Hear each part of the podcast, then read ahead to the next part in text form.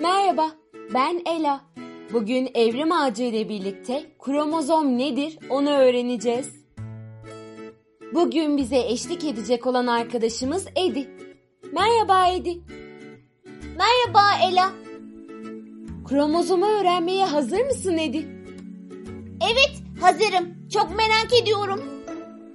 Tamam o zaman küçük bir hatırlatmadan hemen sonra başlayalım Edi. Evrim ağacı bize karanlığı bilimle fethet diyor. Eğer siz de bilimi öğrenmek isterseniz evrimağacı.org adresini ziyaret edebilirsiniz. Ayrıca çeviren Altan Tekgül'e, editör Çağrı Mert Bakırcı'ya ve ikinci editör Berkay Morkan'a teşekkür ediyoruz. Haklısın Edi, evet öyle. Kocaman teşekkürler. O zaman hadi şimdi öğrenmeye başlayalım. Edi, kromozom ne demek biliyor musun? Aslına bakarsan hayır. Hayır bilmiyorum. Sorun değil Edi, bugün bunu öğreniyoruz. Kromozom, hayvan ve bitki hücrelerinde çekirdek içinde konumlanmış ipliksi bir yapıdır Edi. Her kromozom proteinden ve tekil DNA'dan oluşur. DNA atadan gelen ve kişiyi eşsiz kılan belirli bilgileri içeriyor. Kromozom terimi Yunanca'dan köken almaktadır. Renk anlamına gelen kroma ve vücut anlamına gelen soma sözcüklerinin birleşmesiyle oluşturulmuştur. Bilim insanlarının bu ismi koymalarının sebebi ise araştırmalar esnasında bu hücre yapılarını görebilmek için çeşitli boya maddeleri kullanılarak kromozomların renklendirilmesidir. Aa yani bu yüzden mi ismini bu şekilde koymuşlar? Evet Edi ne kadar ilgi çekici değil mi? Evet gerçekten öyle. O zaman hadi gel Edi. Hep beraber 8 soruda kromozomların ne olduğunu biraz daha yakından öğrenelim. Mesela şu soruyla başlayalım. Kromozomların işlevi nedir? Kromozomların benzersiz yapısı DNA'nın histon adı verilen proteinlere sıkı sıkıya bağlanmasını sağlamaktır. Kabaca paketleme olarak da tasvir edilebilecek bu yapısallık sayesinde dümdüz bir iplik olsa hücreye sığamayacak kadar uzun olan DNA molekülünü hücreye sığdırmak mümkün olmaktadır. Hatta böyle bir paketleme olmasa ve hücredeki bütün çözülmüş DNA molekülleri uç uca eklenirse bu yapı yaklaşık 1.83 metre uzunluğa denk gelirdi. Bir organizmanın uygun bir şekilde gelişip işlev göstermesi için hücrelerin sık sık bölünmesi, yaşlanan hücrelerin yerini bölünmelerle yenilerinin alması gerekir. Hücre bölünmesi esnasında DNA materyali açısından zarar görmez ama yeni oluşan hücreler arasında eşit olarak paylaştırılır. Kromozomlar bu süreçte DNA'nın tam olarak kopyalanmasında ve yeni oluşan hücrelere dağıtılmasında kilit rol oynar. Fakat bu süreçte tabii ki kimi zaman çeşitli hatalar da oluşabilmektedir. Şey peki bu hatalarda mesela sayılar veya yapılarında bir değişiklik olsa ne kadar büyük problemler ortaya çıkar? Kromozomların sayılarının veya yapılarının değişmesi çok ciddi problemlere sebep olabilmekteydi. Örneğin insanlarda lösemi tiplerinden biri ve bazı kanser türleri parçalanmış kromozomlardan oluşan kötü huylu kromozomlar sebebiyle olmakta. Bu hastalıkların çözümünü bulabilmek için kromozomların bu istenmeyen davranışlarını anlamamız büyük önem taşımaktadır. Ayrıca yüksek düzeyde önem teşkil eden bir konu da üreme hücreleriyle alakalıdır. Yumurta ve sperm olarak adlandırdığımız bu hücrelerin doğru sayıda kromozoma ve doğru kromozom yapısına sahip olması çok önemlidir. Aksi takdirde yavrular uygun şekilde gelişemeyebilir. Örneğin Down sendromlu bireylerde her insanda aslında sadece iki kopyası olması gereken 21. kromozomun 3 kopyası olduğunu görüyoruz. Bu basit sayı farkı oldukça farklı görünümlü ve zihinsel becerileri oldukça farklı bireyleri oluşturabilmektedir. Aa yani kromozom gerçekten tüm canlılar için çok önemli bir şey. Evet öyleydi. Peki bütün canlılar aynı tipte kromozoma mı sahip? Hayır Edi. kromozomlar sayıca ve şekilce canlıdan canlıya çeşitli gösterir. Örneğin çoğu bakteride bir ya da iki tane halkasal yapıda kromozom bulunuyor. İnsanların yanı sıra diğer hayvanlar ve bitkilerde kromozomlar çekirdek içerisinde çiftler halinde bulunur ve lineer yani doğrusal yapıdadırlar. Çiftler halinde kromozom bulundurmayan tek insan hücresi aynı zamanda gametler olarak da bilinen ve her kromozomun tek kopyasını taşıyan üreme eşe hücreleridir. Bu tek kopyalı üreme hücreleri birleşerek yeni bir hücre meydana geldiğinde ki buna zigot denilir, oluşan yeni hücre her kromozomun iki kopyasını taşıyacak hale gelir. Devamında bu hücre bölünmelere uğrar ve bu hücrenin bölünmesiyle oluşan hücreler de bölünmeye devam eder.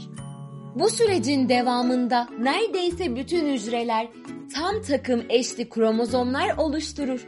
Böylelikle de olgun bireyler meydana gelir. Fakat eklenmeden geçilemeyecek mühim bir nokta var. İnsanlar ve diğer kompleks organizmaların çekirdekleri içerisinde konumlanmış doğrusal yapıdaki kromozomların haricinde diğerlerine kıyasla çok daha küçük yapıda bakterilerde görülen kromozom yapısındaki gibi halkasal yapıda kromozomlarda bulunur. Bu halkasal yapılar mitokondri adını verdiğimiz çekirdek dışında konumlanmış ve hücrenin enerji gereksinimini karşılayan organelde bulunmaktadır. Bilim insanlarının düşüncesine göre mitokondri adlı organel geçmişte serbest yaşayan ve oksijeni enerjiye çevirme yeteneği olan bir bakteriydi. Bu bakteri hücreye girdiğinde oksijenden enerji elde etmek suretiyle enerji açığını karşıladığından ötürü bir nevi hücre onu içerisinde tuttu. Zamanla da o bakteri günümüzün mitokondri organeline evrilmişti. Biliyor musun Ela? Ben bu konuyu çok sevdim. Hadi devam edelim. Buna çok sevindim Edi. Tamam o zaman devam edelim. Sırada sentromer var. Sentromer mi? Bu ne demek? Şöyle ki Edi, doğrusal kromozomların boğumlandığı bölüme sentromer adı verilmekte. Aslında kelimenin kökeninin özellikle de yabancı dilde uyandırdığı intibanın aksine center veya merkez, sentromerler kromozomun tam olarak ortasında konumlanmamaktadır. Hatta kimi durumlarda kromozomun sonunda bile bulunabilir. Biliyor musun Edi? Sentromerin iki tarafına ise kromozomun kolları denmektedir. Sentromerler hücre bölünmesi esnasında kromozomların uygun şekilde dizilmesine yardımcı olmaktadır. Kromozomlar hücre bölünmesi için kopyalandığında sentromerler, kromozomun kardeş kromotitler olarak bilinen iki yarısı için bir bağlanma noktası oluşturuyor. Aa, yani sentromer de bayağı önemli bir şey. Haklısın Edi. Evet öyle. Şimdi sırada telomer var. Bugün birçok bilmediğim terim söylüyorsun. Telomer ne demek? Telomer doğrusal kromozomların uçlarında bulunan DNA'nın tekrarlı parçalarına verilen addır Edi. Telomerler kromozomların uçlarını bir nevi ayakkabılardaki bağcıklar misali çözülmekten alıkoyar. Her hücre bölünmesinde telomerler içerdikleri DNA'nın bir kısmını kaybederler. En son aşamada telomer bütün DNA'sını kaybettiği vakit hücre artık kendini daha fazla yenileyemez ve ölür. Akyuvar hücreleri ve bazı sık bölünme kapasitesine sahip olan hücrelerde telomeraz isimli özel bir enzim mevcuttur. Bu enzim kromozomlarda görülen telomer kaybını önleyerek diğer hücrelerden daha uzun yaşamasını sağlamaktadır. Telomerazları daha yakından tanımak ömrümüzü uzatma yolunda önemli bir basamak olacaktır. Sadece ömür beklentisini arttırmak için de değil, bu durum kanserde de aynen bu şekilde görülüyor. Kötü huylu hücrelerin kromozomları telomerlerini kaybetmiyorlar. Bu sayede bu kötü huylu hücreler büyüyüp yayılmaya devam ediyor ve kanseri yıkıcı etkisini göstermesini sağlıyor. Vay be! Ben telomerin böyle bir şey olduğunu bilmiyordum. Öğrenmiş oldun Edi. Ne güzel oldu işte. Hadi şimdi de insanlarda kaç kromozom var bunu öğrenelim. İnsanlar 23 çiftten oluşmak suretiyle toplam 46 kromozoma sahiptirler. Yalnızca insanlar değil, her bitki ve her hayvan türü de belirli bir kromozom sayısına sahiptir. Örneğin sirke sineği 4 çiftten oluşmak suretiyle 8, pirincin 12 ve köpeğin de 39 kromozomu mevcuttur. Burada şunu söylemekte fayda var. Kromozom sayısı bir canlının gelişmişliği ile ilgili değildir. Yani daha fazla sayıda kromozoma sahip olan canlılar daha karmaşık veya gelişmiş değildir. Benzer şekilde daha az sayıda kromozoma sahip olan canlılar da daha az gelişmiş değildir. Aslına bakarsak insandan çok ama çok daha fazla sayıda kromozomu bulunan birçok canlı bulunmakta. Şey peki kromozomlar nesilden nesle aktarılıyor mu? İnsanlarda ve diğer kompleks organizmalarda her kromozomun bir kopyası anneden, diğer kopyası babadan gelmektedir Edi. Bu durum çocukların neden hem anneden hem babadan özellikler aldığını açıklar. Fakat yukarıda bahsettiğimiz kalıtım modeli daha önce de farklılığına atıf yapmış olduğumuz mitokondride konumlanan küçük halkasal kromozom için biraz daha farklıdır. Döllenme sürecinde babadan gelen sperm ve anneden gelen yumurta hücrelerinden sadece yumurta hücresi mitokondrisini koruyabilmektedir.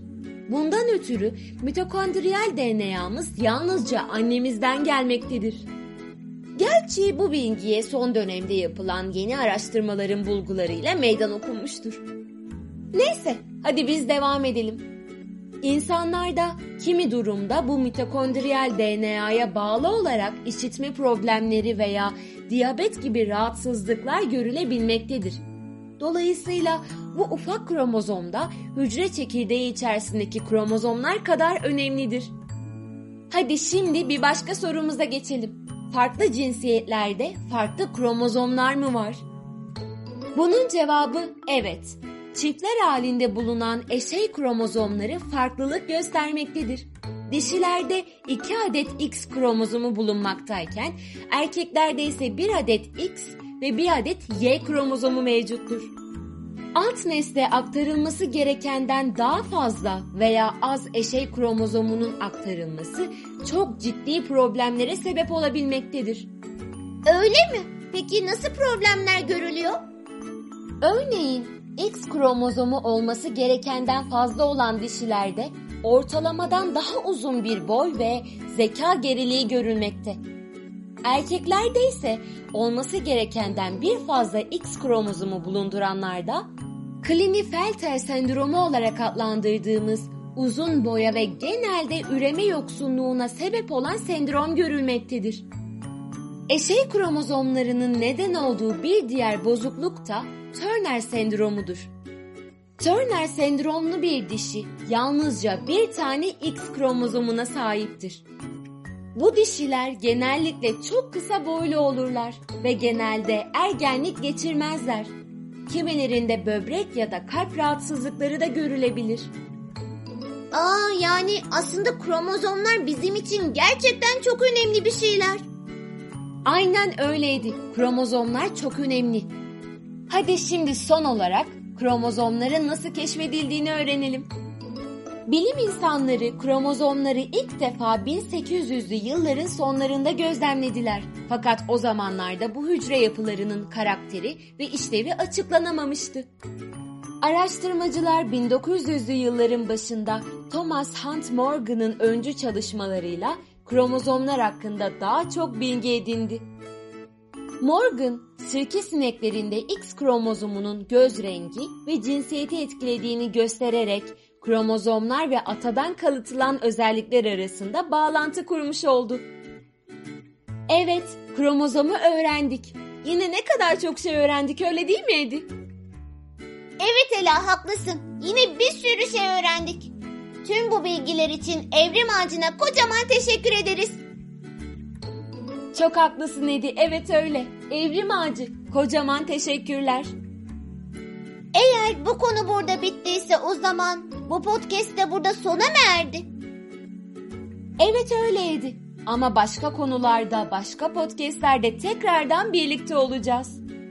Tekrardan görüşünceye kadar kendinize iyi bakın. Hoşçakalın.